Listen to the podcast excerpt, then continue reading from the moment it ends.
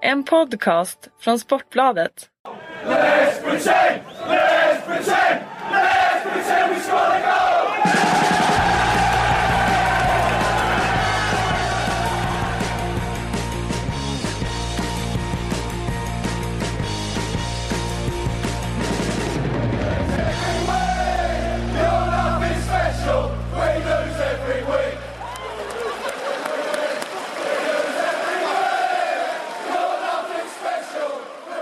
På er, det är torsdag och eh, ni lyssnar på Sportbladets Premier- League-podd med mig Patrik Syk. Eh, och här i studion eh, finns också förstås Kalle Karlsson som alltid. Mr Premier League. Ja, välkommen till studion Kalle. Tackar. Eh, har du haft en bra vecka?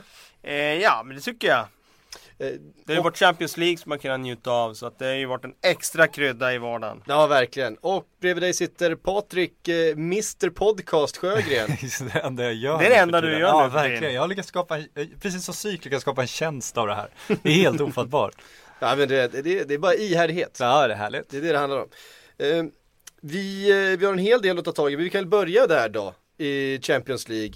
Eh, och framförallt då Citys eh, ändå bragdartade dubbelmöte mot PSG. Även att det var kanske PSG som underpresterade så eh, var det ju inte många som trodde på City inför det här dubbelmötet. Nej, så är det. De fick ju god hjälp i andra får man väl säga och att PSG inte hade någon spelare från sitt ordinarie mittfält i andra halvlek. Men, men alltså den här trion längst fram de har nu med De Bruyne, han är tillbaks nu tillsammans med Silva och Agüero. Det är ju liksom, det är ju högsta europeiska klass. Det är ju en fröjd. Det gör ju också att de kan ha sitt, sitt kantiga mittfält och sin ibland stabbiga backlinje för att Mittfältet behöver inte tänka så mycket offensivt, framförallt inte mot ett PSG där man kunde kontra ganska effektivt. Så att då var det ju, det var ju en match som egentligen var gjord för City och den trion.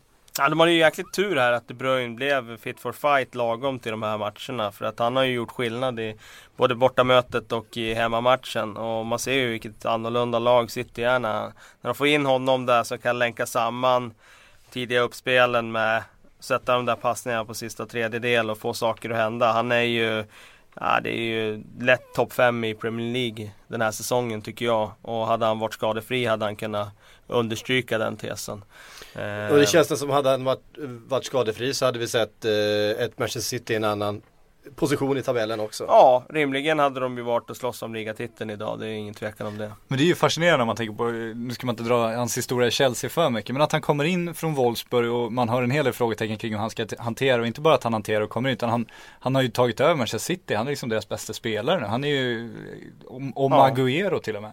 Han har ju bevisat att han var värd pengarna. Även om det var groteska pengar. Så sett till marknaden hur den har utvecklats så får man ju säga att köper City in en spelare som blir deras bästa spelare. Då är han ju värd de stora pengarna för dem. Och ja, det är imponerande att han har axlat den rollen i en så stjärnspäckad trupp. Att faktiskt kliva fram som den viktigaste offensiva spelaren. Och att han har lyckats bygga på det momentumet som han hade i Wolfsburg förra säsongen när han var kanske Bundesligas bästa spelare. Ehm, det, det, det är imponerande. Ja, Eh, framförallt med tanke på hur dåligt det gick förra gången han skulle ta över Premier League. Så att den, den scenförändringen är väl bara på, på ett par år som det ändå är. är Fick ju inte speciellt många chanser i Chelsea. handlar också om att ta chanserna som Kalle Karlsson brukar säga. Ehm, Manchester City då med, eh, med lite luft under vingarna igen. Det var länge sedan man såg det. Det har ju varit Känts liksom eh, väldigt trubbigt. Vi har pratat om ett lag som inte har varit intresserade. Vi har liksom gnällt mycket på Yahya Touré som, som verkligen ser ut som en legosoldat som, som eh, har hämtat ut sista checken liksom. Sista Och sista tårtan. tårtan, exakt. Precis. Ja, där kom den. Eh, Men nu känns det som det är lite, lite fjäder i, steget igen. Ja men det, är- jag tror inte heller det var någon slump att Jaja inte startade borta i Paris. Han var inte med eh, från start i den här matchen nu hemma. Eh, det blev ju en annan stadga i City. De släppte inte till kontringslägen som de gör med Jaja på plan. Och nu pekar jag ut honom. Men han är ju den som blir liksom symbolen för det här med att inte ta jobbet hem. Han springer ju bara i en riktning.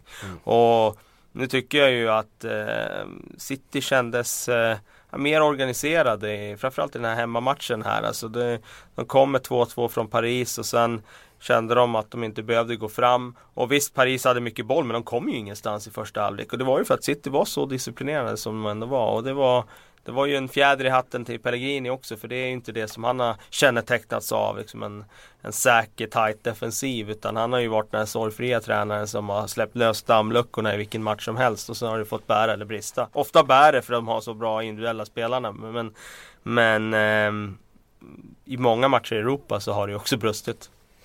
Uh, ja, helt klart och nu kommer man till en semifinal med ett helt annat självförtroende känns det som. Och, och, allt att vinna-känslan också. Ja, dels allt att vinna-känslan men, men dels också har man väl satt ett och annat frågetecken i konkurrenternas huvuden.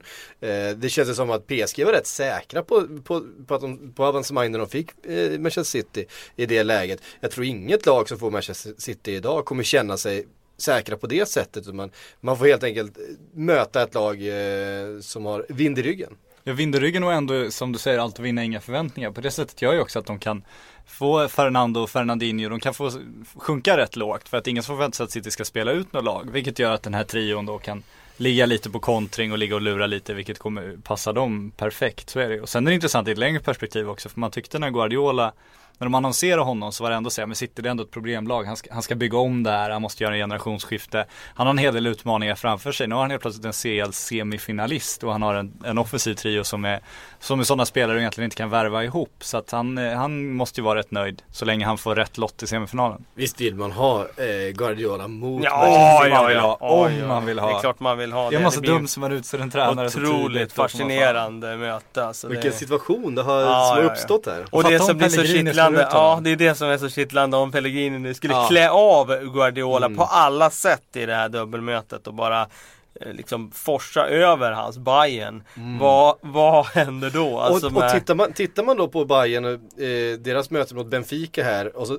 istället så stoppar man in då Manchester Citys trio där fram mot, mot Bayern Münchens backlinje. Då ser det helt plötsligt inte speciellt omöjligt ut. Bayern Münchens backlinje, eller eh, back, backar har uppenbara problem. Manuel Neuer är inte i någon stor form. Han gjorde ett groteskt misstag.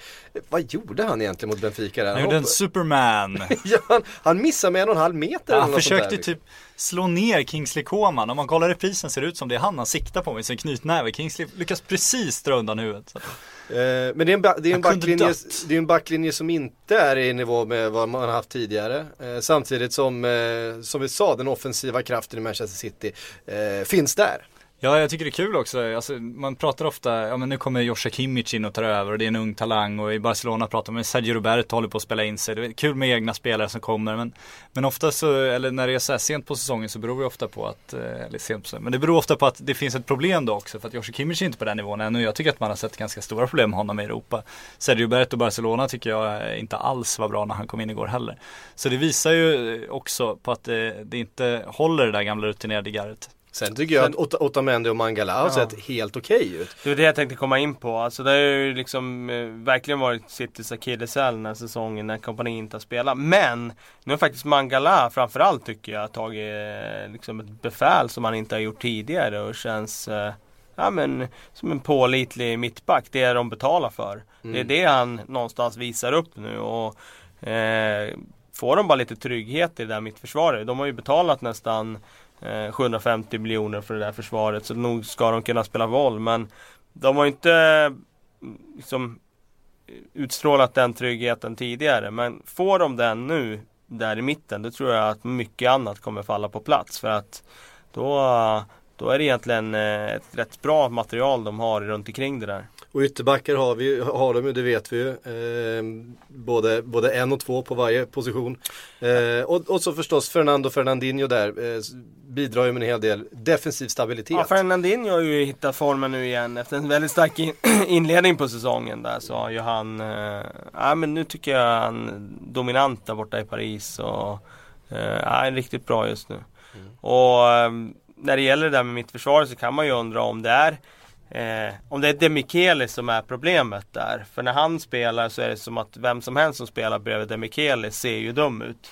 och de vinner ju, statistiken med Demichelis är ju förskräcklig. Mm. Eh, statistiken utan Demichelis Då hade de legat på samma poäng som, som Leicester i, i Premier League. Så att eh, Jag älskar att du verkligen har hittat en syndabock. Det- Ja det, det är Jag tror att, jag tror att vi, det är fler som har sett. när det, är när det gäller just jag så, så har ju alla sågat honom. Men det är ju intressant också att statistiken visar exakt det Att Ja. eh, det är extrem skillnad med Demichelis i Det startelvan var väl förra veckan vi utsåg honom till den sämsta spelaren i Premier League sen senast Demichelis var i form. Ja det var någon, det var någon läsare, Det var någon läsare- lyssnare som hade föreslog ut, det ja. uttryckt sig så. Vi ställer väl upp på det.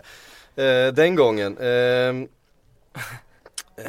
ja men det, det om eh, City och Champions League då. Som sagt en otroligt spännande lottning nu på fredag. Eh, är det väl. Eh, åh, vi vill ju ha City mot eh, Bayern München. Ja det är, ju, det är ju drömmen alla dagar i veckan och just att Pellegrini gör någonting väldigt taktiskt imponerande då. Och så får vi ett Madrid-derby å andra sidan i den andra semifinalen också. Det är ju så det måste bli. Det är ju så, och när någonting måste bli i de här sammanhangen, det så. Då blir det så. Mm. Eh. Ja, men det, är- det är mycket som talar för att det faktiskt slutar så. Då har vi fått in Fredrik Jönsson i studion. Ja! Och då eh, förstår ni att vi har ett speciellt ämne på tapeten. Det är nämligen så, det har blivit efterfrågat att eh, vi vill att eh, Fredrik som ska komma in och lätta sitt hjärta om. Newcastle. Eh, så att, jag vet inte, scenen är din. Hur, eh, hur mår Newcastle-själen? Eh, Jag är faktiskt förvånad när jag eh, satt och eh, höll i programmet några gånger så fick jag rätt mycket skit för att jag pratade och skämtade om Newcastle och Alan Pardew och så vidare. Newcastle-själen mår sådär eh, faktiskt kan jag ju lugnt säga. Jag eh, var på bolaget inför eh, mötet med Southampton och hade väl lite hopp när jag såg att alla Newcastle Brown Ale var slut. Eh, så jag fick inga för jag tänkte, jag tänkte att nu är vi enade och nu kan vi köra liksom. Jag hoppades för, någonstans på att spelarna skulle känna detsamma men det ser ju lika jävla illa ut hela tiden. Jag var väl ganska liksom uppgiven och ryckte lite på axlarna. Vi hade Steve McLaren eh, där i slutet eh, efter jul nu för att jag tänkte att eh, det här kommer ju ändå inte gå. Men så kom Benitez in och dum som jag är så fick jag förhoppningar och tänkte att fan det här kanske ändå kan bli någonting. Vi kanske ändå liksom kan försöka hela vägen in men vi har sedan dess tagit Eh, en poäng, eh, knappt spelat fotboll. Eh, Av någon anledning så gjorde vi två mål borta mot eh, Norwich och sen snedsparkade Martin Olsson bortom på eh, den pinnen som vi fick där. Men alltså det ser inte bra ut, det är ingen som försöker.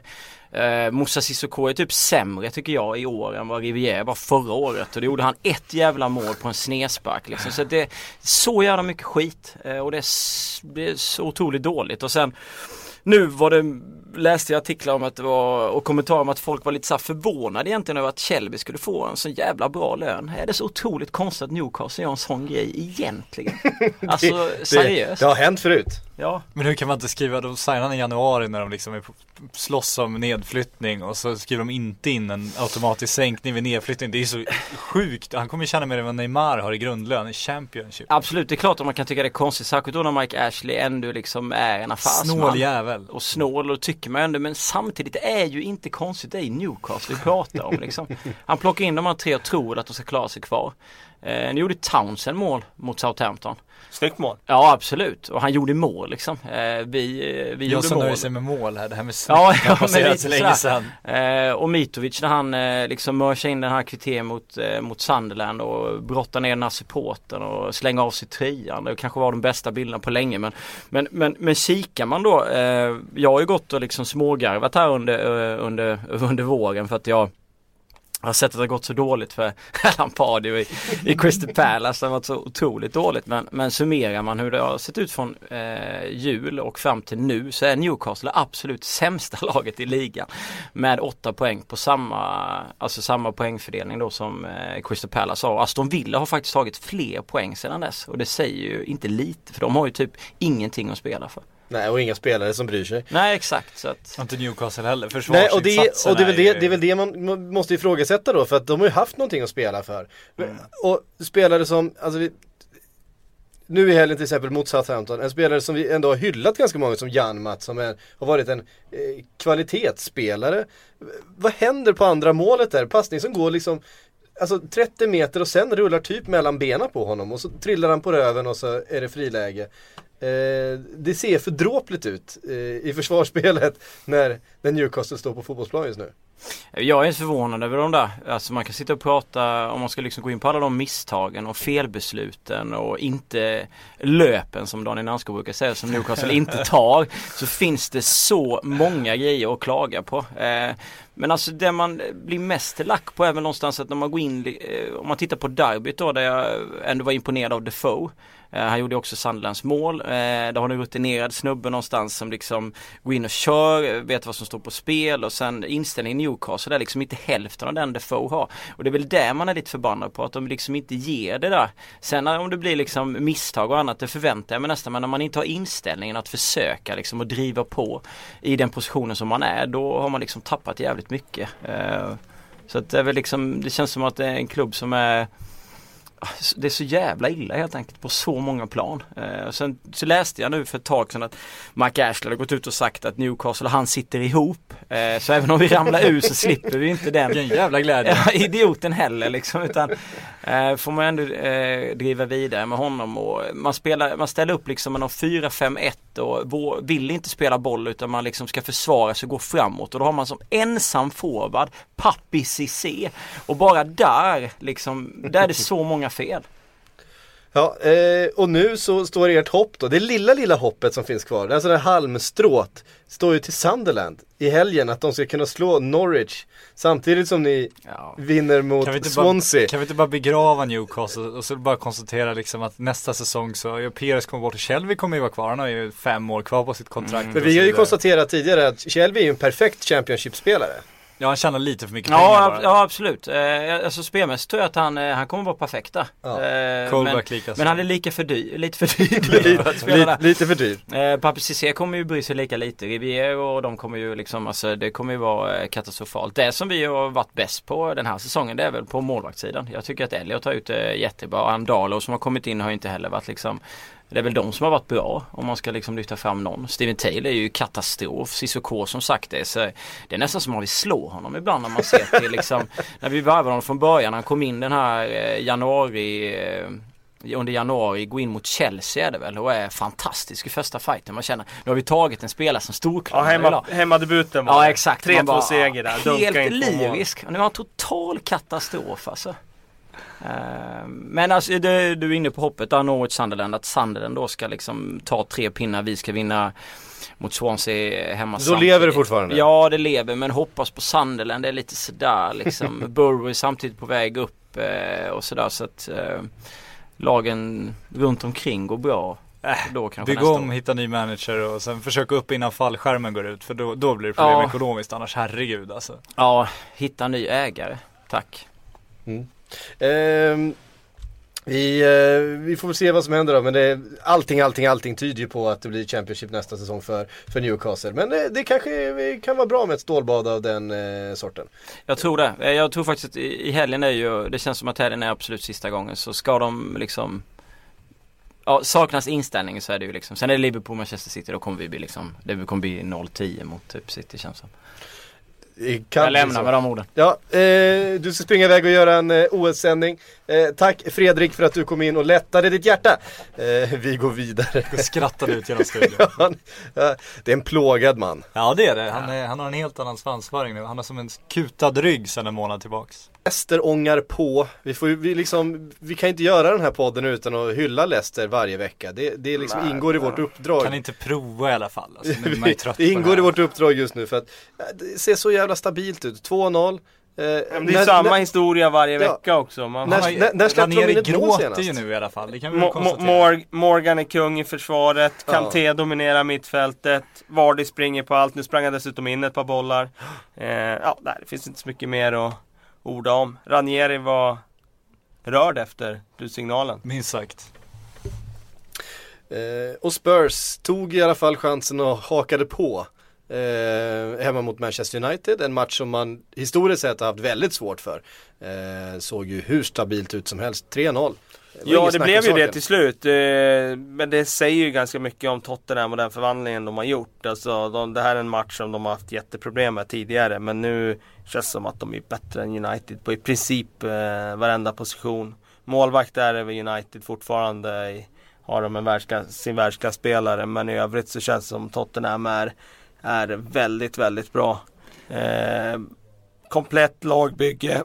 Ingen slump att, eh, att eh, det är de som slåss om titeln utan de är, de är ju bättre än United på, på i princip allt nu. Men man undrar hur Bankoniva känner sig nu när Tottenham lyckats bli bättre än United. Det är före Manchester City, de är liksom före Chelsea, före alla de här och så kommer Leicester och springer förbi de Och jävlarna. inte minst före, liksom. före Arsenal. Ja, före Arsenal. Ja. Den, är, den var inte helt nöjd med då kanske.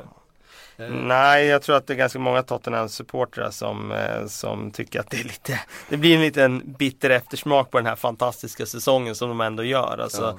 De har inte fått tillräckligt med credit egentligen för sin säsong för att allt, allt rampljus hamnar ju på på Leicester liksom. Men eh, den förvandlingen som Tottenham har gjort, det Pochettino har gjort att ta dem från att vara utanför topp 4 till att kliva upp och kriga om titeln. Det är ju remarkabelt faktiskt. Eh, det är inget lag som någonsin har vunnit titeln från att ha kommit utanför topp 4. Så att eh, ja, skulle de vinna titeln, nu eh, ska det ju en del till för att de ska göra det men det känns ju ändå som att de har chansen med sex omgångar kvar här, fem omgångar kvar. Mm. Annars Så- blir ju Leicester laget som går då från utanför Ja precis. Långt, långt utanför topp 4 eh, till att ta eh, titeln. Men säger så här, där snackar vi ju liksom en skräll av historiska mått. Där snackar vi ju en av de största i Det fotbollshistorien. Ja, det är jordbävning. Men Tottenhams skräll, om de skulle vinna ligan, så är ju den fortfarande topp tre av Ja. vad som har hänt under Premier League 25-åriga historia. Mm. Eh, så det är ju också en gigantisk sensation om Tottenham skulle vinna. Eh, jag vet inte om ni har sett det men spelbolagen tycker att de försöker ju köpa ut sig från alla Leicester eh, vad nu i Leicester. Det är ju så klassiskt att man sätter en, hundra, en hunka på sitt lag inför säsongen som en kul grej man gör det varje säsong.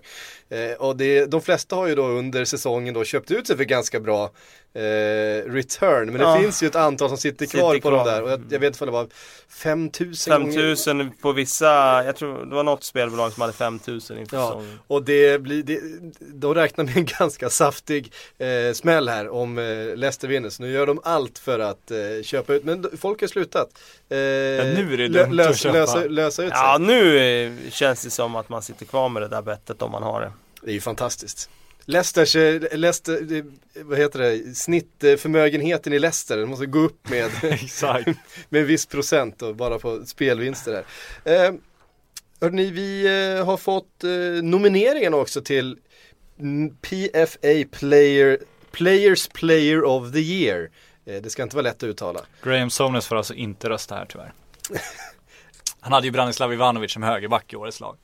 Ja, det, det, hade Sonus det? Souness hade det. Ja, det är magiskt. Den är briljant faktiskt. Då har man sett mycket av, av årets säsong. Hade han Ja. Branislav Ivanovic? Ja, ja. Högerback. Missat han, han brukar ju ändå vara ganska, en, en av de få som får, som inte får bara skit i, i Nej men han har ju sina absolut poänger när han eh, öppnar munnen, absolut. Men eh, jag får väl eh, berömma PFA här nu då för att eh, Ska förut var jag väldigt dem? kritisk till när de här nomineringarna kom. De kom ju så himla tidigt förut. Nu har de ju ändå skjutit fram dem till mitten av april och det Mm. gillar ju jag. Det var ju horribelt förut när de här nomineringarna kom typ i början av mars eller liksom slutet Mm. av februari och sen är det så viktiga månader kvar av säsongen så att eh, Eh, ja, det Ja, känns inte, bättre inte minst typ en fjärdedel kvar att spela. Ja, Den viktigaste fjärdedelen också. Ja. inte Ja. Eh, vi går igenom då. Eh, Dimitri, Dimitri Payet, Harry Kane, Jamie Vardy, Mesut Özil, N'Golo Kanté och Riyad Mahrez. Alltså tre stycken Leicester-spelare. Eh, en Tottenham-spelare, en West Ham-spelare och en Arsenal-spelare. ja jag tycker faktiskt att eh, ett av de åren där jag tycker det är svårast att urskilja en, eh, en klar vinnare. Jag tycker alltid det brukar finnas en spelare som sticker ut från mängden och som, som har varit, som ändå ska ha en 80% av rösterna och sluta där någonstans. Jag tycker inte det finns det i år. Jag tycker verkligen inte det. Utan jag tycker att eh, den där Leicester-trion, alla de är starka case. Sen kommer självklart de offensiva spelarna att få mer uppmärksamhet och då är det klart att det faller på Mares Wardy i det fallet. Men eh, jag menar, säg att Tottenham skulle gå om och vinna ligan. Det är svårt att, svårt att blunda för Harry Kane och det han har gjort då. Mm. Så att mycket det där, det är ju det som avgör ligan. Men det är klart, Är det någon ni Mahrez- saknar? Är det någon jag ni... tror att Mahrez skulle, eh, kommer få priset. Tror du det? Ja, det tror Det jag. tror jag också. Du tror Harry Kane? Harry Kane eller Wardy tror jag. Jag tror alltid på målskyttarna, så är det ju. Det är ju Ja, okej. historiskt känns det ju som det alltid landar där och jag tror absolut att Hazard Harry Kane det kan få den. Ja men då var han så pass överlägsen och då gick inte Bale fick för. det ju tidigare. Ja, Han var också en hypad superstjärna på ett annat sätt. Därför Scott, tror jag att Scott, Kane. Scott, Parker fick Ja, Ja, vad fan. Jeremy Jennas har fått årets unga spelare också. Fan vi kan Fast köra Scott Parker, han vet. fick väl inte players va? Han fick väl FWA, alltså Writers Association.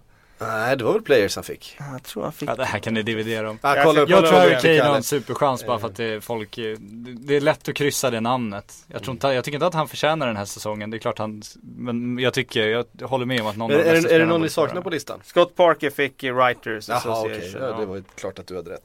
Du Eh, dividerar med Kalle Karlsson i Premier League. Nej, jag är vet. Jävligt dumt ju. Ja. Jo, Eh, någon vi saknar, Toby Alderweireld, eh, om man nu ska hylla de eh, defensiva spelarna.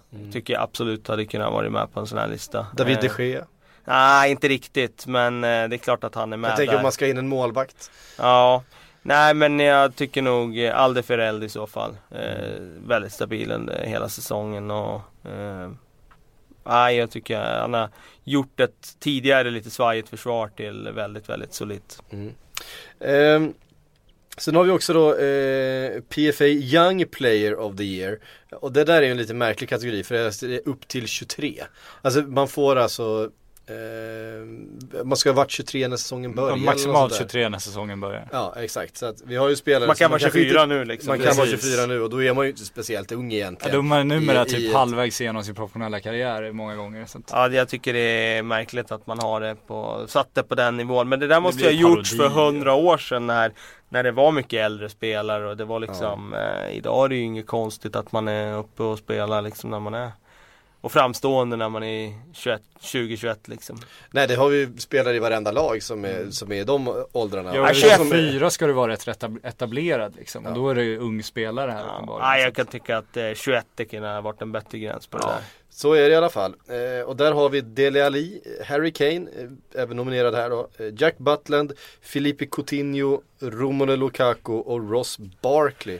Och där- Ja, och då, då tänker man ju att det rimliga är att Harry Kane får det för han är ju nominerad till stora priser. Men riktigt så fungerar det ju inte utan det brukar ju vara så att spelarna som röstar här de eh, röstar ju ofta på den de tänker som de förknippar som ung spelare och som har kommit fram nu den senaste eh, tiden. Så jag tror att Dele Ali kommer få de flesta rösterna i den här omröstningen. Det är min gissning. Jag har varit med om det förr. Jag tror Ronaldo han blev vald till årets spelare men han blev inte vald till årets unga spelare till exempel. Nej precis. Eh, och sådär. Jag tror Harry Kane får den. Såklart. Också. Ja, han får absolut. båda? Ja, han kan få båda. Eh, vilka, vad har vi för vinnare de senaste åren då? Ska vi kolla upp det? Young Player of the Year. Ja precis. Eh, för det är ju ofta de här kanske som man inte Jag kan ju fylla i med så länge att eh, John Terry röstar ju på Mares och sen Kane som årets unge.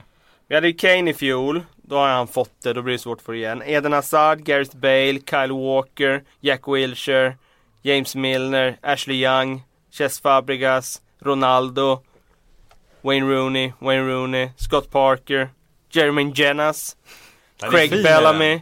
Steven Gerrard, Harry Kewell, då är vi tillbaka på millennieskiftet nu där, jävlar. 2000. Nicolas Anelka 99, Owen 98, David Beckham 97, Robbie Fowler Ja, 96. det här är bra podd. Robbie Kalle Fowler, Karlsson 95. läser listor. Kan vi inte bara köra det? Det är en bra, en bra lista ändå. Ja, det är en bra lista. Det dök upp några um, riktiga Men när spelarna ska rösta, kan man inte, alltså, jag tycker ofta man sitter såhär, ja men spelarna vet bäst och lär det där, men de vet ju aldrig bäst, det ser man ju inte minst på eh, Ballon d'Or-rösten varje jäkla år, att de har ju ingen aning om vad de röstar på överhuvudtaget. De har men- bättre Colin Graham Sones kanske, men, Men när kan du ändå- röstar, när du ska skriva ett namn på den här talongen, du ska ta det ur huvudet. Hur lätt är det inte att bara, ja men Harry Kane, Jamie Wardy, det är ju lättare än att tänka, ja men Kanté. Jo, absolut. Men jag kan ändå köpa att, att de får rösta i den ligan där de själva spelar det tycker jag liksom, där har de ändå hyfsad koll. Det, då har de varit ute på plan och mött de här spelarna Mm. själv. Däremot har de ju ganska dålig koll när det gäller att rösta på FIF Pro 11 och sånt där när det börjar blandas in andra ligor. För då förstår man ju att de har ju inte tid själva att titta på speciellt mycket fotboll. Utan de... Tid har de men inte intresse Nej men jag tror inte de har, nej men varken tid eller intresse. Alltså, du har ju inte tiden heller eftersom du är borta på bortaresor och, och så vidare. Du, Så måste man ju spela FIFA.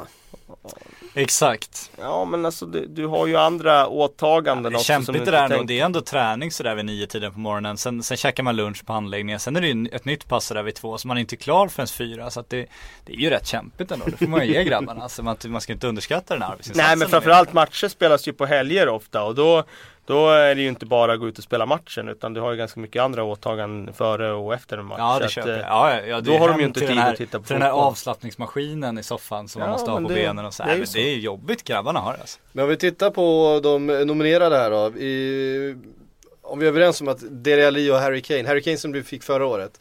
ehm, två år i rad, det har vi ju sett många som har fått. Eller ett par i alla fall. Rooney fick det två år i rad. Eh, Robbie Fowler fick det två år Kan i du inte rad. läsa listan igen Kalle? Ehm, Nästan i det huvudet nu. eh, Harry Kewell 99-2000. Tack. Det är allt jag vill höra egentligen. Jack Butland. En målvakt i alla fall. Det, är, Det är trevligt. det tycker jag är Det glädjande. är kul att de får vara med. Eh, Jag vet inte riktigt hur Filipe Coutinho tog sig in där. Eh, Dels så är han väl, måste han väl precis Star vara på, attraction. vara på gränsen då. I, alltså det måste vara hans sista år. Att få vara nominerad till det här priset. Romelu Lukaku och Ross Barkley. Att två Everton-spelare efter den säsongen som det laget har haft finns med på en sån här lista. Det kan jag tycka är lite förvånande. Eh, Everton som eh, spelade i match här på en Champions League-dag i, i veckan också. Ja just det, de Noll- tog väl böten där som man får då. Eh, 0-0 mot Crystal Palace. Lite var- i var skuggan av Champions League kan man säga. Det får man, väl, eh, får man väl säga. Eh, fortsätter gå kräftgång Everton. Eh, det har vi varit inne på tidigare men det, det, det ser märkligt ut. Eh, ja vad säger vi om den övriga listan här? Vad, är det politik som ligger bakom? Är det några andra spelare som ni hellre hade plockat in? Om vi lyfter ut, om vi, om, om vi sätter då en, en eh, gräns på 21 år. Ja då ska vi kasta ut några där. Ja då ska vi kasta ut några andra. Då åker ju Harry Kane, då åker Coutinho, då åker Lukaku väl. Ja. Eh, Ross Barkley också. Gör han väl? Jack Butler, då är det bara Dele Alli kvar. Det var Ja. inte så svårt. Precis. Ja men då ska vi ju in eh, sådana som eh, Martial, vi ska in Mm. Iwobi, vi ska in Rashford nästan på sin vår här. Det, jag tror inte det krävs så mycket mer. Vilket mål in. han gjorde i veckan. Ja det var fint. Den satt i krysset kan man säga. Ja det kan man säga. Eh, kanske ska in en sån som Ska in mer? Ja. Ja det är inte så jäkla många kanske. Nej. som- alltså- Iheanacho. Ja, Ian Nacho skulle kunna plockas in där. Mm. Ehm, vad har vi? Leicester har väl eh, inga direkt unga spelare? Nej, som- det är han Gray som hoppar in, men han är inte så ung. Jag vet inte, kan han vara 20 kanske? 21 kan han vara. Ehm, Demarai Gray, eller vad är det han heter? Mm. Ja, det, det här var vi inte förberedda på. Ehm, jo men vi har ju Han är 19 bara, Demarai Gray, så han skulle kunna, han har ju bara gjort lite inhopp i och för sig. Så Det hade varit en sexigare lista i alla fall med den ålderskategorin. Ja, det hade det varit. Ehm, verkligen. Ehm, vi lämnar eh, Player of the Year då. Så, Ja, jag har slagit fast. Mares och Del Ali. Mahrez och Dele Alli. Jag ställer faktiskt, jag tror också det kommer bli så. Jag tycker, ehm, jag, så hade jag röstat. Eh, utan tvekan. Vi, ehm, ska vi titta på klockan här. Ja men vi, vi, eh, vi dunkar in en ehm, extra lång frågestund. Det tycker vi alltid är roligt. Eh, Men vi kan väl börja med en som i alla fall du Kalle fick några minuter på dig att eh, förbereda. Vi har fått en fråga från Axel Olsson. Eh, Med tanke på, vi hade ju en flintskall i elva förra veckan. Just det. Ehm, Med vi, tanke kan, vi, på vad då? vi, vi kan väl knyta ihop det då. Först Mats Eriksson har skickat in sitt flintislag. Ja, det vill vi höra. Eh, han- Howard i mål. Steve Stone. Ja, den är bra. Den, den är bra, den köper jag. Ja. Gamla Nottingham-liraren, det var... Eh, klasslirare. Japp Stam. Ja, Ja, alltså Men Japp han sa Stam, vi. han, han sa vi, han är ju nästan mest given. Steve Bold. ja, det sa vi också. Av flera anledningar. Blir det? Sabaleta. Ja. Ja, han är bra. ja. Ja, för nu, för nu pratar Men vi... är nu det pratar- liksom, ska vara vi- bra spelare, bra flint? Alltså det är Nej, ju men- det som är... Ja, men fram, framförallt tycker jag att flint, det, att det ska en vara en, en naturlig flint. Ja, Det- exakt. Alltså det ska inte vara en spelare som har, det var någon som tyckte att vi skulle ha in Henri, men han, han har ju möjligtvis haft rakat huvud vid något tillfälle, men han är ju inte flintskallig. Nej, exakt. Det är Eh, det därför- jag menar. Därför tycker Det är jag det jag menar med bra flint. Det Men vad en bra är, är en Zidane-flint då, när han är på gränsen? Han har egentligen Cool fact a crocodile can't stick out its tongue. Also, you can get health insurance for a month or just under a year in some states. United Healthcare short term insurance plans, underwritten by Golden Rule Insurance Company, offer flexible, budget friendly coverage for you. Learn more at uh1.com. en gubbflint. Jo men han, han, skickar skulle ju en absolut, han rakning. skulle Han är absolut inne. eh, Han är inne, kunna, ja. kunna finnas Ja, med, men han har inte spelat Premier League. Nej nej absolut, nej det har jag koll på. Robben. Robben har ju, har ju väldigt Ja, han högt hårfäste. Eh, och så Lombardo förstås, vi glömde ju Lombardo. Eh, Ja, den- det, men den- han ska ju in, eh, Han han, är är, den- ju första spelaren på lagutställningen. så Ja, där får vi ju bara flexa. Det var många som påpekade det. Varför Ja. var inte Lombardo med? Och det, ja, det får vi köpa. Det, han, han ska ju med alltså. Eh, sen har vi Cambiasso Gervinho.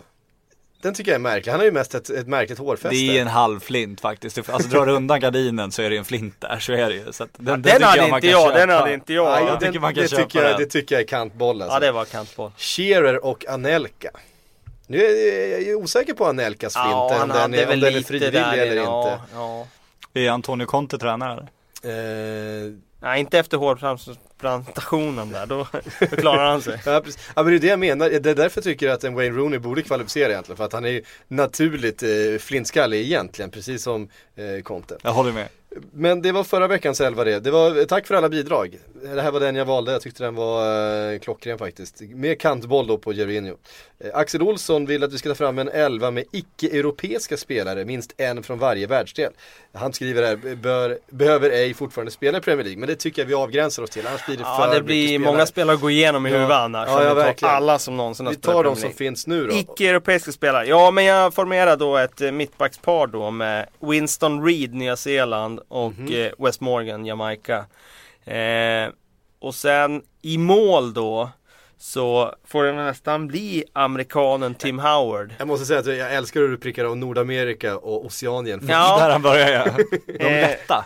Det är där man måste, man måste göra det så att man, eh, så att man är med där.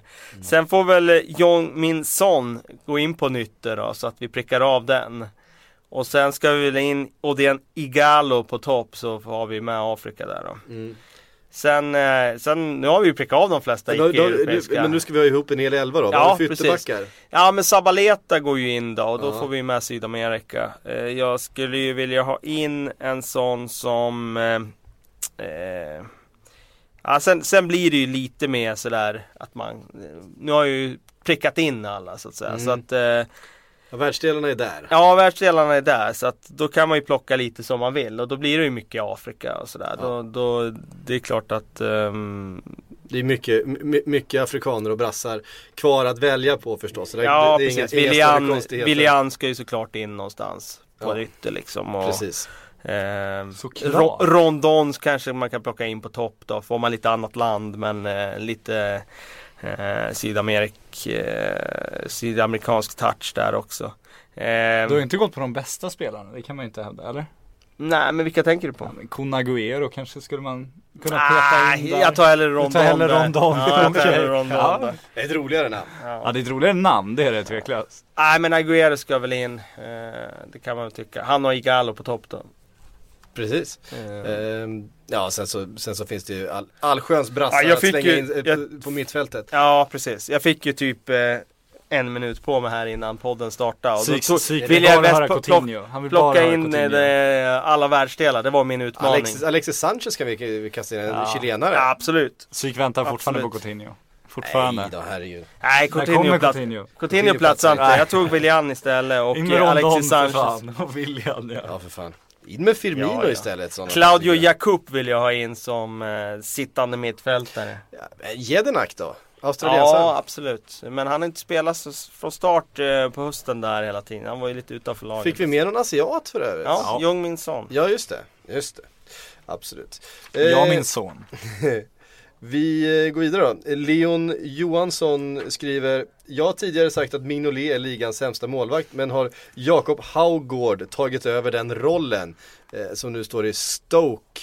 Han hade ingen, Han hade en ingen, jobbig, jobbig match. han hade ingen vidare Höll match inte vi på att utse världshistoriens sämsta målvakt några avsnitt i rad förut? Jag har för mig det. Jo, Jo, absolut. men det var ju någon som påstod Det att det var Simon Mignolet, var Ja, det inte men- det? Jo exakt, det kan ha varit Leon. Ja. Eh, jag, jag, Världshistoriens sämsta målvakt. Men eh, Det är en ganska tung titel. Haugård hade, hade ingen bra match i söndags, det, det ska ju erkännas. Men eh, det är hårt att döma en kille på en, på en dålig insats. Nu har jag inte sett Stoke de senaste matcherna där han har spelat. Eh, men eh, nej, han var inget bra i helgen. Nej, han hade jobbigt i helgen. Eh, Jag skulle säga att eh, om man jämför första målvakt till andra målvakt där så kanske den största glappet eh, i ligan. Eller i världshistorien. Världshistoria. Jag vet inte. Ehm, Jag gillar när vi kör världshistoria. Ja, det är det bättre är- trycker. Man, man innefattar ganska många spelare. Ja, ett gäng. ehm, Johan, eh, han kanske bara Johan. eller- Nå- någon måste ju vara världshistoriens sämsta målvakt. Man skulle gärna vilja se den målvakten i aktion. Det hade varit en... Eh, Liksom det hade varit lite humor att få se. Liksom motsvarigheten till Ed the Eagle Ja, i, precis. i Ja men, ja, men någon som ändå är professionell, inte någon korpmålvakt i någon division 7-serie. utan Ja, men jag menar korpmålvakten i professionell. någon Jag vill ha den division 7-serie. professionella målvakten som Ah, ändå okej. nått och fått Som ett avlönat kontrakt och som är sämst i världshistorien. Ja, Han vill jag se. Ja.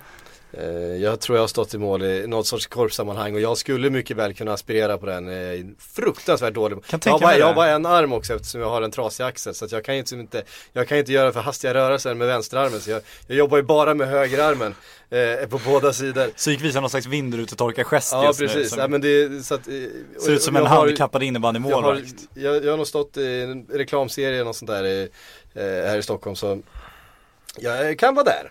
Jag utesluter inte alls det. Johan undrar, eh, vad beror Englands tränarbrist på? Bara tre engelsmän i Premier League just nu. Ingen engelsk tränare som vunnit Premier League sedan 92. ja, det är sjukt det där alltså. Det är sjukt det där. Vad beror det på?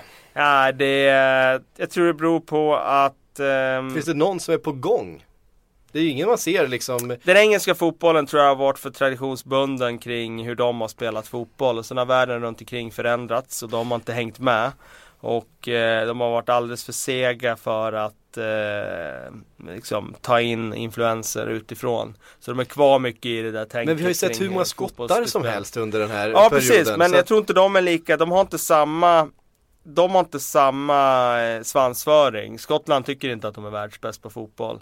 England har ju gjort det. det jag, den är tröttsam när det snackas engelska landslag och sådär att de ska vinna VM. Men det är ingen tvekan om att England har ju tyckt att de är väldigt bra på fotboll. Det var de som uppfann sporten och det var liksom, det är vi som kan det här, det är vår sport. Eh, och där tycker jag man ser på eh, engelska tränare att eh, de kommer till korta när det handlar om Europaspel och det eh, tror jag också avspeglat sig i allt ifrån deras sätt att utbilda tränare till annat. De låg ju väldigt, väldigt långt efter med det här med tränarutbildning. Eh, I Tyskland och Spanien så var det ju ungefär 30-35 tusen som hade den här tredje nivån på tränarutbildning, det vill säga advanced level. Medan England låg på typ 1000 som hade det. Så det var ungefär 30 gånger fler i Spanien och Tyskland som hade den utbildningsnivån. Och det är klart att det avspeglar något slags eh, tänk om att ja, men vi kan det här ändå. Vem är det, är det Eddie Howe som eh, är den som man tror mest på just nu? Ja det tror jag, absolut. Eh, det Finns inte så många känns andra. som det kan Gary Neville var ute och provade vingarna. Ja det gick ju jättebra. Ja. Ehm, nej men annars har vi ju sett tränare från, eh, från Skottland och från eh, Wales och från eh, Irland och jag Brandon Rodgers från Nordirland och gjorde det i alla fall bra stund, Ja men stundtals de, i ja, Liverpool. men men- om du tar Brendan då. Mm. Han har ju varit uh, ute i Spanien och hämtat influenser och så vidare. Mm. Eh, kan du hitta någon engelsk tränare som har varit det? Gary Neville. Ja men det är inte på samma sätt. Han går in och tar Valencia direkt. Jag menar någon som har tidigt i sin eh, liksom, tränargärning gått ut, hämtat influenser från andra länder. Men det är väl Eddie Howe i sådana fall. Som väl till viss del har gjort det. Han har väl eh, bland annat haft eh, Brandon Rodgers lite grann som Mm. mentor. Exakt. Eh, i, I sin unga precis. tränare, tränare men du ser, då har han lyckats också. Ja, till viss han har tagit Bournemouth till en eh, trettonde plats eller vad de ligger på. Ja men det är väl Det är bra, Ulrikas. ja, absolut. Men det är intressant som du säger, alltså när man tittar världstränarna nu, man kan ju dra ett ganska enkelt nät mellan dem liksom, alltså Det är ofta de här van Gaal och så hans lärjungar, Ja, Mourinho absolut. jobbar med alla och liksom Absolut. De har verkligen suttit ihop och Mm. gjort de här studieresorna som du säger och det är en, det är en lång väg, därför är det ju ofta, tycker jag, lite deppigt när de ska rakt in på toppen. När Gary Neville ska åka till en liga han aldrig har spelat i eller knappt sett på TV, tror jag i ärlighetens namn och tror att han ska lyckas med det. När Alan Shearer ska gå in och rädda ett Newcastle i kris direkt istället för att försöka vara lite ödmjuk och ta den långa vägen och bli en riktigt bra tränare. Jag tycker att det känns som just de gamla storspelarna kanske haft lite bråttom också. Och kanske underskattat uppgiften. Precis. Eh, men där tycker man ändå en Gary Neville som under så många år har sett eh, Alltså verkligen stormästaren eh, eh, Sir Men hur mycket har man sett då? Det undrar jag också. För att om man tittar på en Sir Alex Ferguson, han höll ju inte alls i träningarna på de sista åren. Det var ju snarare så att han såg liksom vad, vad andra tränare gjorde day to day. Det Sir Alex Ferguson gjorde var inne på sitt kontor då. Det har ju Gary Neville i ärlighetens namn ingen aning om vad det var egentligen. Även fast han fick se resultatet av det såklart när det presenterades. Så där tycker jag ändå man kan ifrågasätta om de verkligen kan allting som deras tränare har kunnat på, bara för att de har jobbat tillsammans med dem i x, x antal år. Nej, de kan ju inte allt som tränaren kan. Så är det ju. Allt överförs ju inte och de har inte insyn i allt. Och som spelare så kommer man ju också till träning. Man behöver inte tänka. Man går ut och spelar. Man knyter sina skor. Det är det du behöver tänka på egentligen. Så nej, man kan inte. Och det finns nog en övertro på det där med att den spelaren haft den tränaren och då, då måste det bli en bra tränare av han. Det är lite samma tänk i Sverige också tycker jag. Med, ja men oh wow, han har haft Tom Prahl. Ja då måste det här vara liksom en Det, det, det, det, var ditt go-to. Ja men liksom det är lite den. Jo men eh, jag tog Ja, det som ja. exempel. Det kan ju Absolut. vara vem, vem som helst annars liksom. Eh, kommer säkert vara sen liksom att eh, ja men den spelaren spelar under Lagerbäck liksom. Det är meriterande. Mm. Eh, Men det tycker jag är kul med om man ska göra ett litet litet avstick eh, angående Jan Andersson så är det som man läst på hans bakgrund. Han har dels gjort den här, eh, gått under framgångsrika tränare bland annat Stuart Baxter, men han har också en lärarutbildning i grunden, vilket ju är någonting som man tycker att alla egentligen borde ha för det är precis det de ska syssla med. Bara en sån sak tycker jag också är väldigt spännande. Han har ju liksom en, en perfekt teoretisk bakgrund egentligen, utan att ha varit en Henke Larsson i FC Barcelona. Det är Liksom. många av de där gamla tränarprofilerna i svensk idrott som har den där GH-bakgrunden. Om man tittar på Tommy Söderberg och tittar på. Bengt, Bengt Johansson och Erik Hamrén och P.C. Sundhage. Alltså många har ju den där. Per Mårts för den delen. Ehm, så ja, nej det är nog ingen slump. Och den är samtidigt som storspelare försöker komma loss och förbi alla utbildningar och gå igenom diverse snabbfiler i andra länder och allt vad de lyckas fila till. Så att det, det finns nog en anledning till att de framgångsrika tränarna inte alltid är de framgångsrika spelarna, även fast det finns undantag. Och det, och, det som verkar vara den gemensamma nämnaren är de som, de som faktiskt inte har tagit några genvägar utan som gjort sina läroår liksom i, i, som ungdomstränare under någon Mourinho eller van Gaal eller någon eh, av den Ja, digniteten absolut. Ehm, och så vidare. Så va? finns det ju något undantag här och där. Klopp En- till exempel. Och, Guardiola mm, till viss del och, och sådär. Ehm, men då brukar det ju snarare handla om rena inspiration, sen Diego Simeone som är liksom bra på att entusiasmera liksom, eller en Jür- Jürgen Klopp. Jag tror att, jag tycker nästan att eh, Guardiola är det största undantaget för han är så utpräglad eh, taktiskt liksom slipad och ehm, där en Simeone eller en Klopp kanske har assisterande tränare som har väldigt gedigna taktiskt kunnande och sånt där runt omkring sig och sen så är man den stora inspiratören eh, i första hand. Ehm, men det är klart, ingen regel utan undantag. Jag gillar din eh, lärar eh, Tack! avstickare där för den, den leder oss in på nästa fråga.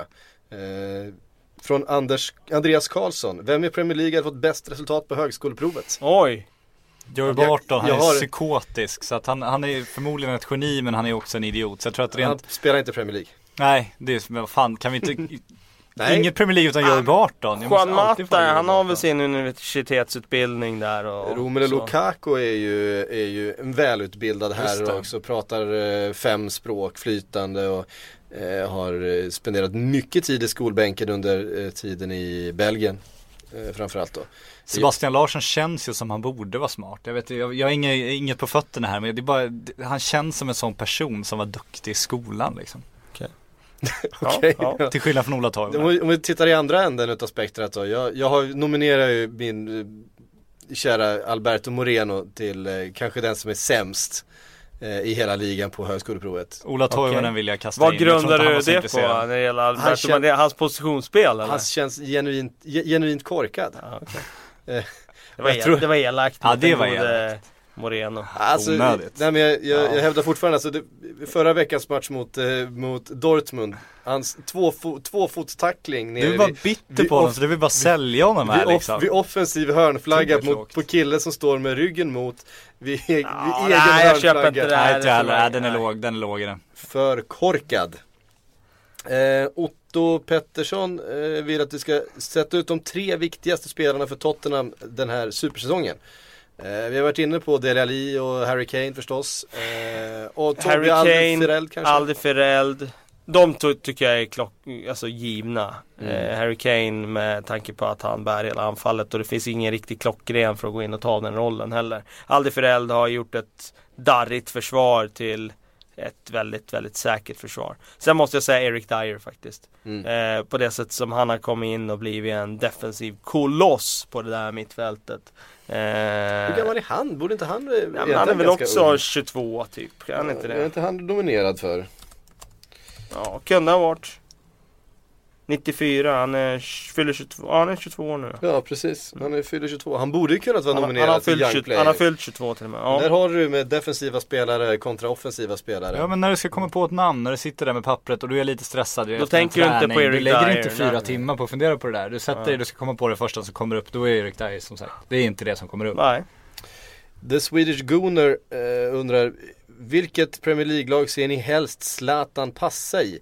Eh, och var tror ni, hans, eh, tror ni han hamnar? Alltså jag vill ju ha honom i United, det är ingen tvekan. Det pratar engelsmännen också om. Den här Erik Cantona-auran, det arvet som finns där. Han skulle ju Ja, så tveklöst häftigt lyfta den se. klubben på alla sätt det går. Och, eh, Just att de är lite nere i dvala också Ja. nu. Eh, så skulle han komma in och bli den som lyfter.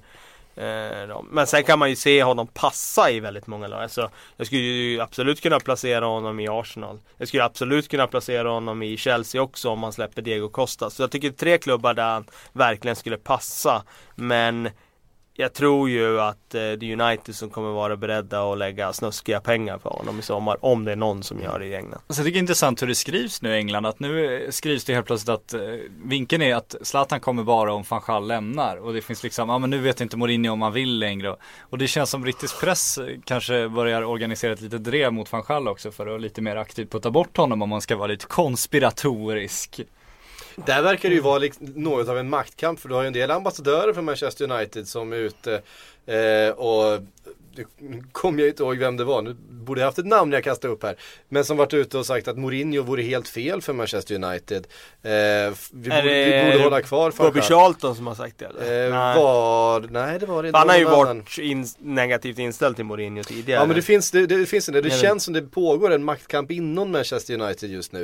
Eh, där det finns en falang som inte vill ha dit Mourinho för att det kanske rör om för mycket i, i den, den lilla klubben. Men om de då menar att Eh, van jag menar ska sitta, klubben sitta kvar då, då kommer inte Zlatan platsa nästa år för då kommer Ashley Young spela striker och Zlatan kommer si- sitta på bänken och det har ju svårt att tro att de här ambassadörerna Men vill jag, jag heller. tycker det är kul med ambassadörerna för det, jag, det här har man ju hört ända sedan Mourinho-namnet kom upp första gången. Då känns det som deras någonstans argument är att ja, men han, är, han är för bråkig, han är för kontroversiell, han tror att han är större än klubben, det passar inte Manchester United. Men vad fan, om man bromsar lite då, vad var Sir Alex Ferguson egentligen? Om han inte, han var ju bråkig, han var kontroversiell och han ansåg definitivt att han var större än klubben på det sättet han ledde klubben. För han hade Men han var ju manager. allting. Han var ju manager. exakt, Han så var ju manager. allt det där prickar ju in mer eller mindre på Sir Alex Ferguson också. Han var ju kontroversiell om något i hans domarattacker. Ja, ja absolut. Så Men jag- vad då menar du att eh, Jag tycker att de borde, alltså att de, de tycker inte att Mourinho passar in och så använder de Jaha, det var- ah, som, okej, liksom, okej, in, som ja. också det är ju utesluter för sig, det är sig en profil som passar väldigt bra in på van Gaal också. Ehm, Mm, men, Ja, fast han är- nej, men jag håller med dig. Eh, Mourinho är väldigt lik Sir Alex på det sättet. Bara det att Sir Alex hade varit med så länge, så när han gjorde sina liksom ständiga domarattacker så var det som att, ja men det är Sir Alex som gör det. Han kommer undan med det. På ett annat sätt som vad Mourinho gjorde. Men eh, jag upplevde att han hade lite gräddfil där, Sir Alex. När Det håller jag verkligen med om. Utan tvekan. Det var in, Fergie- ingen, ingen som satte sig upp för mot honom riktigt. Ja exakt. Det finns ju en anledning till att det, att det uttrycket eh, levde ganska länge.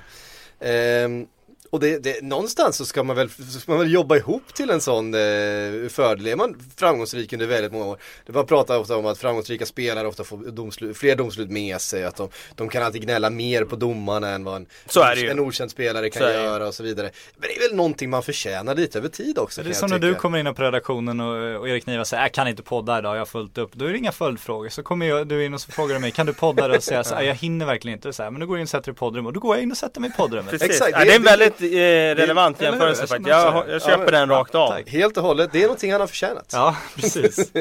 den, skillnaden, eh, den skillnaden gör jag. Eh, absolut. Men eh, Zlatan då, det det är Manchester United som vi på något sätt tror eh, att det i så fall blir. Visst börjar, det känns det som det blir Premier League nu? Ja men det känns, Det- för när han liksom- pratar om att något stort ska hända och det är så här, vad har han för alternativ? Jag tror inte att, alltså PSG, jag tror inte han ser Champions League, framförallt inte nu som något realistiskt nästa år. Så jag tror inte han stannar bara för det, jag tror inte han ser någon som helst anledning att stanna för ligan och så. Så och han vill ju ha en sista utmaning känns det verkligen som. Och jag tror faktiskt att han skiter lite i Champions League. Jag Ja. tror inte att det är grejen. Jag tror att det handlar om en sista bass, en sista explosion.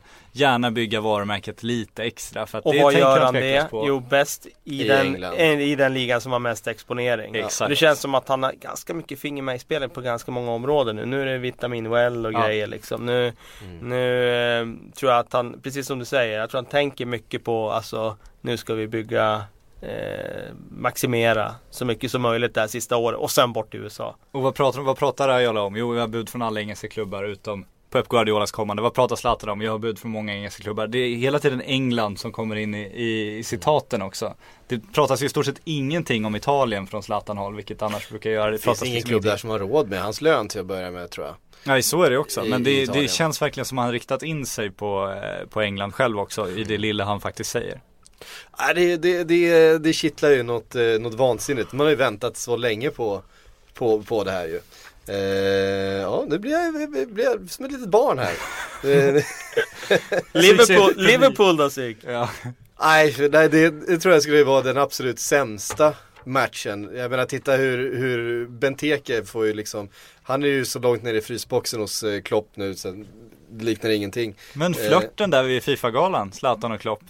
Ja men det tror jag var i, i, Ta mig till Dortmund, jag måste sälja hela laget. Det är en klassiker. Ja men det är nog, jag tror han gillar Klopp. Jag tror säkert att Klopp och Zlatan hade, hade Gått trivts bra bra ihop, ihop. ja. Ja, det tror jag jag, tror att, jag tror att det är en eh, liksom högt i tak och ganska eh, liksom såhär, stormig relation sådär som det tror jag passar båda. Men jag tror inte att Klopps spelfilosofi överhuvudtaget passar Zlatan. Jag menar, du ska springa 1,2 mil och du ska ta maxlöpningar hela tiden i stort sett. Du, får liksom, du ska ta maxlöpningar även när du inte förväntas vinna bollen bara för att du hela tiden ska göra backarna osäkra på Ja, nej. eh, Zlatan skulle drömma marsdrömmar om Prozone om han skulle flytta till Liverpool, så Klopp. Ja det, är- det är verkligen så. så nej det tror jag inte ett dugg på. De, Liverpool har inte råd att betala hans lön heller. Ehm, så att eh, det, kan vi, det kan vi skriva bort. Ehm, Daniel Fredriksson skriver hur bra tränare coach är egentligen Ranieri med tanke på, han, på först fiasko i Grekland och det var ett fiasko av nästan samma mått som succén i Leicester nu. Ja, Eh, nej, men man, jag tycker man ska, man ska inte väga in eh, liksom på ett enskilt uppdrag så kan vem som helst misslyckas. Och man vet inte vad var det för förutsättningar när han kom till Grekland. Hela landet var i kaos. Jag tror Ja. att det avspeglar sig också i organisationen kring det där landslaget och vad Självklart. de hade för förutsättningar att lyckas. Eh, han är en... Men de eh, förlorade mot visat- Färöarna. Ja, ja det är ju extremt. eh, men sen det han har visat nu i, under en lång tränarkarriär det är ju att han, han är en duktig tränare och en duktig taktiker och framförallt duktig på att sätta försvarsspel.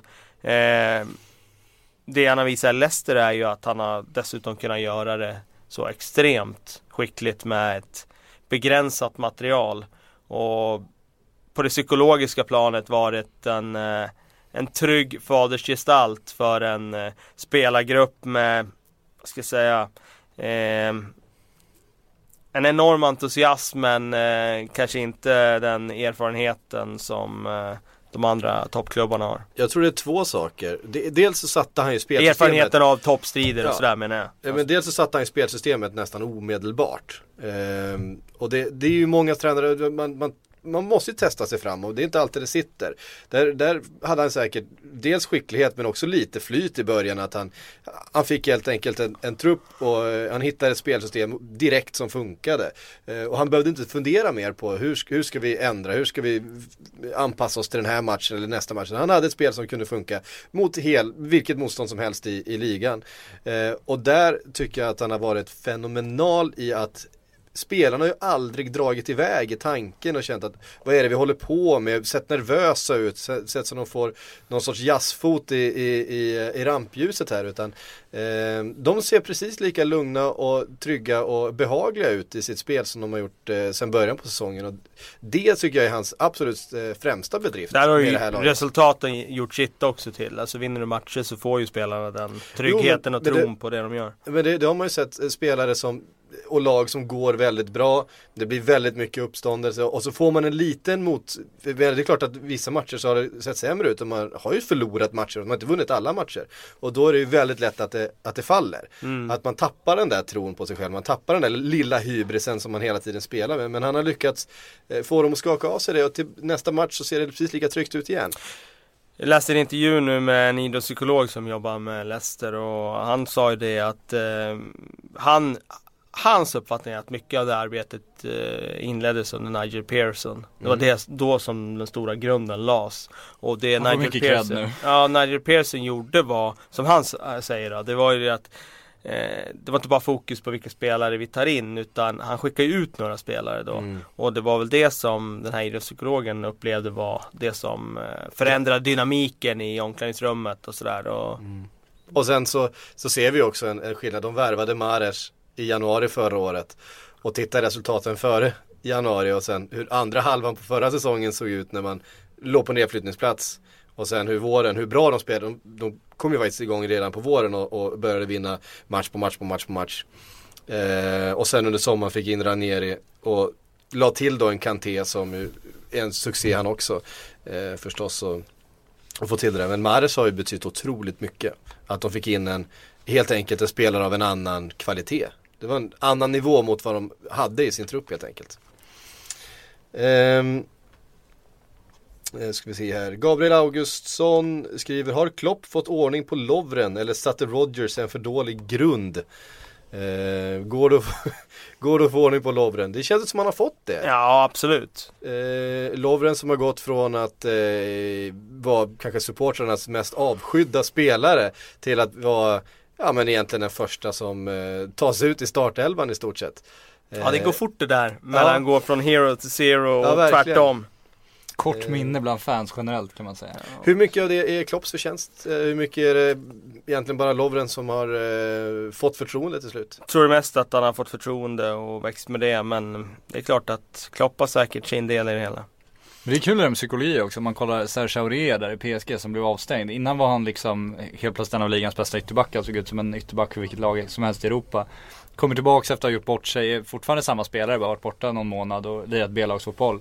Och man ser, han har inte riktigt, känner inte det förtroendet då, han har, har inte lagkamraterna i ryggen riktigt och är liksom en, en division 3-spelare på, på sin höjd i, helt plötsligt i Champions League. Det säger ju en hel del om hur, hur mycket psykologi det är. Bara du genom förtroendet spelar vecka efter vecka så kan det hända mycket.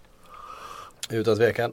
Eh, Lukas Engblom skriver, eh, nämn några spelare som inte är tillräckligt bra för att spela i Premier League. Som, Sissoko. spelar där, som spelar där just nu. Eh, om, vi, om vi tar bort de då som är på väg ut ur Premier League, de som, eh, som ni tycker är som är startspelare men som är för dåliga för att spela Premier League. Eh, hittar ni några? Steven Taylor. Steven Taylor är, det är inte Premier League-kvalitet. Nej, inte för att vara mittback och liksom ska vara härförare där bak. Nej. Nej, jag tycker inte han är tillräckligt bra. Det Eh, finns fler. Eh, hela Aston Villa. Ja. Det är ju uppenbarligen inte tillräckligt bra. Den Mikelis då? Demikelis är inte tillräckligt bra nu längre för The Premier League, nej. Eh, John Terry? finns spelare i Sunderland som inte är tillräckligt bra också. Eh, John. Terry tycker jag är tillräckligt bra för Premier League.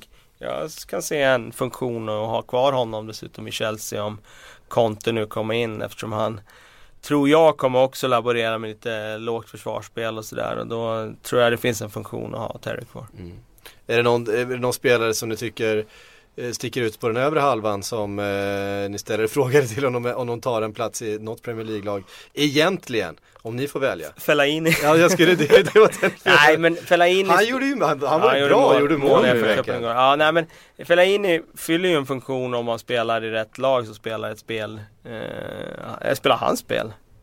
Ja, men det är, så här, det är ju John Colle syndromet. Han kan vara världens sämsta fotbollsspelare om du använder honom på rätt sätt. Använder eller fel sätt, om du använder honom på rätt sätt kan han vara världens mest nyttiga spelare i en match. Det, det är ju verkligen så. Du får ju spela efter hans. Det är ju som Andy Carroll också. Han är ingen stor fotbollsspelare med, med fötterna. Men använder honom på rätt sätt och har en Joey Barton som bara prickar hans huvud match efter match. Då kan det gå rätt bra ändå. Mm. Vi fick en eh, eh, fråga om eh, Origi också. Eh, han var ju som sagt uttagen förra året i eh, flopp-elvan i den franska ligan och eh, nu är han startspelare för Klopp i Liverpool. Har petat Daniel Sturridge i flera matcher och gjort eh, tre mål på två, de två senaste matcherna mot Dortmund och Stoke här. Vad, vad ger ni Origi för eh, status eh, så här i slutet på 2016 eh, säsongen? Nej men statusen är ju att hans aktie stärks hela tiden. Han visar att han är en spelare att satsa på inför nästa säsong. Och att han, ja, definitivt kommer att vara med och slåss om det i Liverpool i, i nästa år och vara en startspelare. Men han är väl också en ganska begränsad spelare. Men det han är bra på är han riktigt bra på. Ja och han, de utnyttjar ju det han är bra Ja. på nu. Han är ju framförallt snabb, han är ju den enda, den enda riktigt löpstarka formen. Det är ju inte Sturridge längre. Med alla skador han har haft så, så tar han ju sällan de där riktiga rycken som han gjorde för ett par säsonger sedan han faktiskt kunde springa ifrån en spelare. Det gör han inte längre. Men du kan bygga en rätt bra karriär på att bara vara snabb också. Därför var man ju sugen förut när Usain Bolt själv var sugen. Nu har jag Ja, sett han spela fotboll på lite klipp och han har väl en bit kvar i det övriga spelet också. Men om du hade lärt den grabben skjuta och passa helt okej. då hade man ju velat se, bara som inhoppare, vad det hade kunnat tillföra. Men det är ju- tänk ett kontringslag, bara Jo. killen är snabbare än alla andra. Vad, vad, Men grejen är ju det där, någonting? Det är ju inte så jävla lätt att bara slå den där bollen och så ska någon springa bara. Nej, nej, nej. Alltså, det är Nej, det, det, handlar som så är mycket det. om timing. Ja. Alltså snabbheten handlar ju mer om fast- timing än men om du den tänker, fysiska. det ligger, liksom. Timingen pratar vi ofta offside-linje då, men om du är så snabb då kan du ju ha en betydligt större felmarginal. Ja men det är inte, Jo, det är inte men- bara offside utan du ska ju också tajma din löpning mot en försvarare. Du ska liksom, du ska starta i rätt ögonblick mot när passningar och kommer. Inte, Ja men också, liksom, också marginaler som blir betydligt större Ja men sen när du kommer snabbare. där, eh, du sätter ut den där bollen på yta då. Eh, Ut mot hörnflagga där. För att det är ändå svårt att slå den bakom backlinjen. Ja, då finns det en målvakt som kan komma och ta den. eh, Ja då skulle, då skulle han ha kvaliteten att slå det där inlägget på rätt sätt när, när han får bollen där nere. För han är inte så snabb så att han bara springer där och så bara springer rakt mot mål. Men jag vill Eh. ju se han, också se han avsluta i maxfart. Det är Ja. någonstans där jag vill se också. När han kommer snubbla, missa bollen. Precis. Och, sen, och sen så är det det att man eh, ju snarare, man ska snarare vara snabb på typ 20-30 meter än han, han har väl liksom, han är rätt snabb på 20-30 meter också. Ja, det är ju klart han är. Ja. Eh, Men det finns Typ ju finns det andra som är också. Eh, Jag vet inte hur mycket det skiljer en Usain Bolt från en ja, vem är Ron- snabbast? Ronaldo, Ro- alltså. Ronaldo på, på 20-30 meter med Nej, jag tror en, inte det är så jävla mycket som skiljer alltså. Ja, fotbollsskor kanske det är jämnt. Ja. Så kan Ja. det vara. Sätter de på löparbanan med spikskor så kan jag ju säga det är att klart att Usain Bolt är en bit före. då är han ju iväg. Men det är just Hector- det där som är grejen. Du, du Ja, nailar det ju nu. Det är, fotboll spelas ju inte med spikskor Nej, på, nej, så är det på absolut. Nej, jag tror- inte heller att liksom, det skulle gå. Och startskott. Utan Jag tror inte heller att det skulle gå men jag tycker att det, det är en det är Självklart hade det varit kul att se. Självklart är det kul att se. Men det man är intresserad av att se det är ju bara den där långa bollen från mittbältet bakom backlinjen. Och så ser han sätta fart. Det är Det är enda. För annars skulle han ju vara helt vilsen. Annars skulle han vara helt vilsen.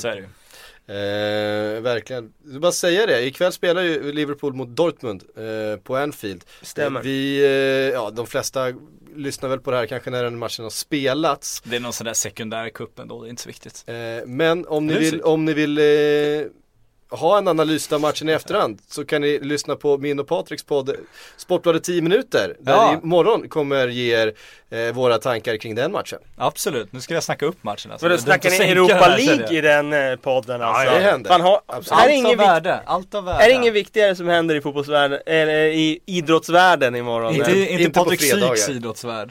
Nej, det var just dit jag ville komma. Där är en pika. Det var dit jag ville komma.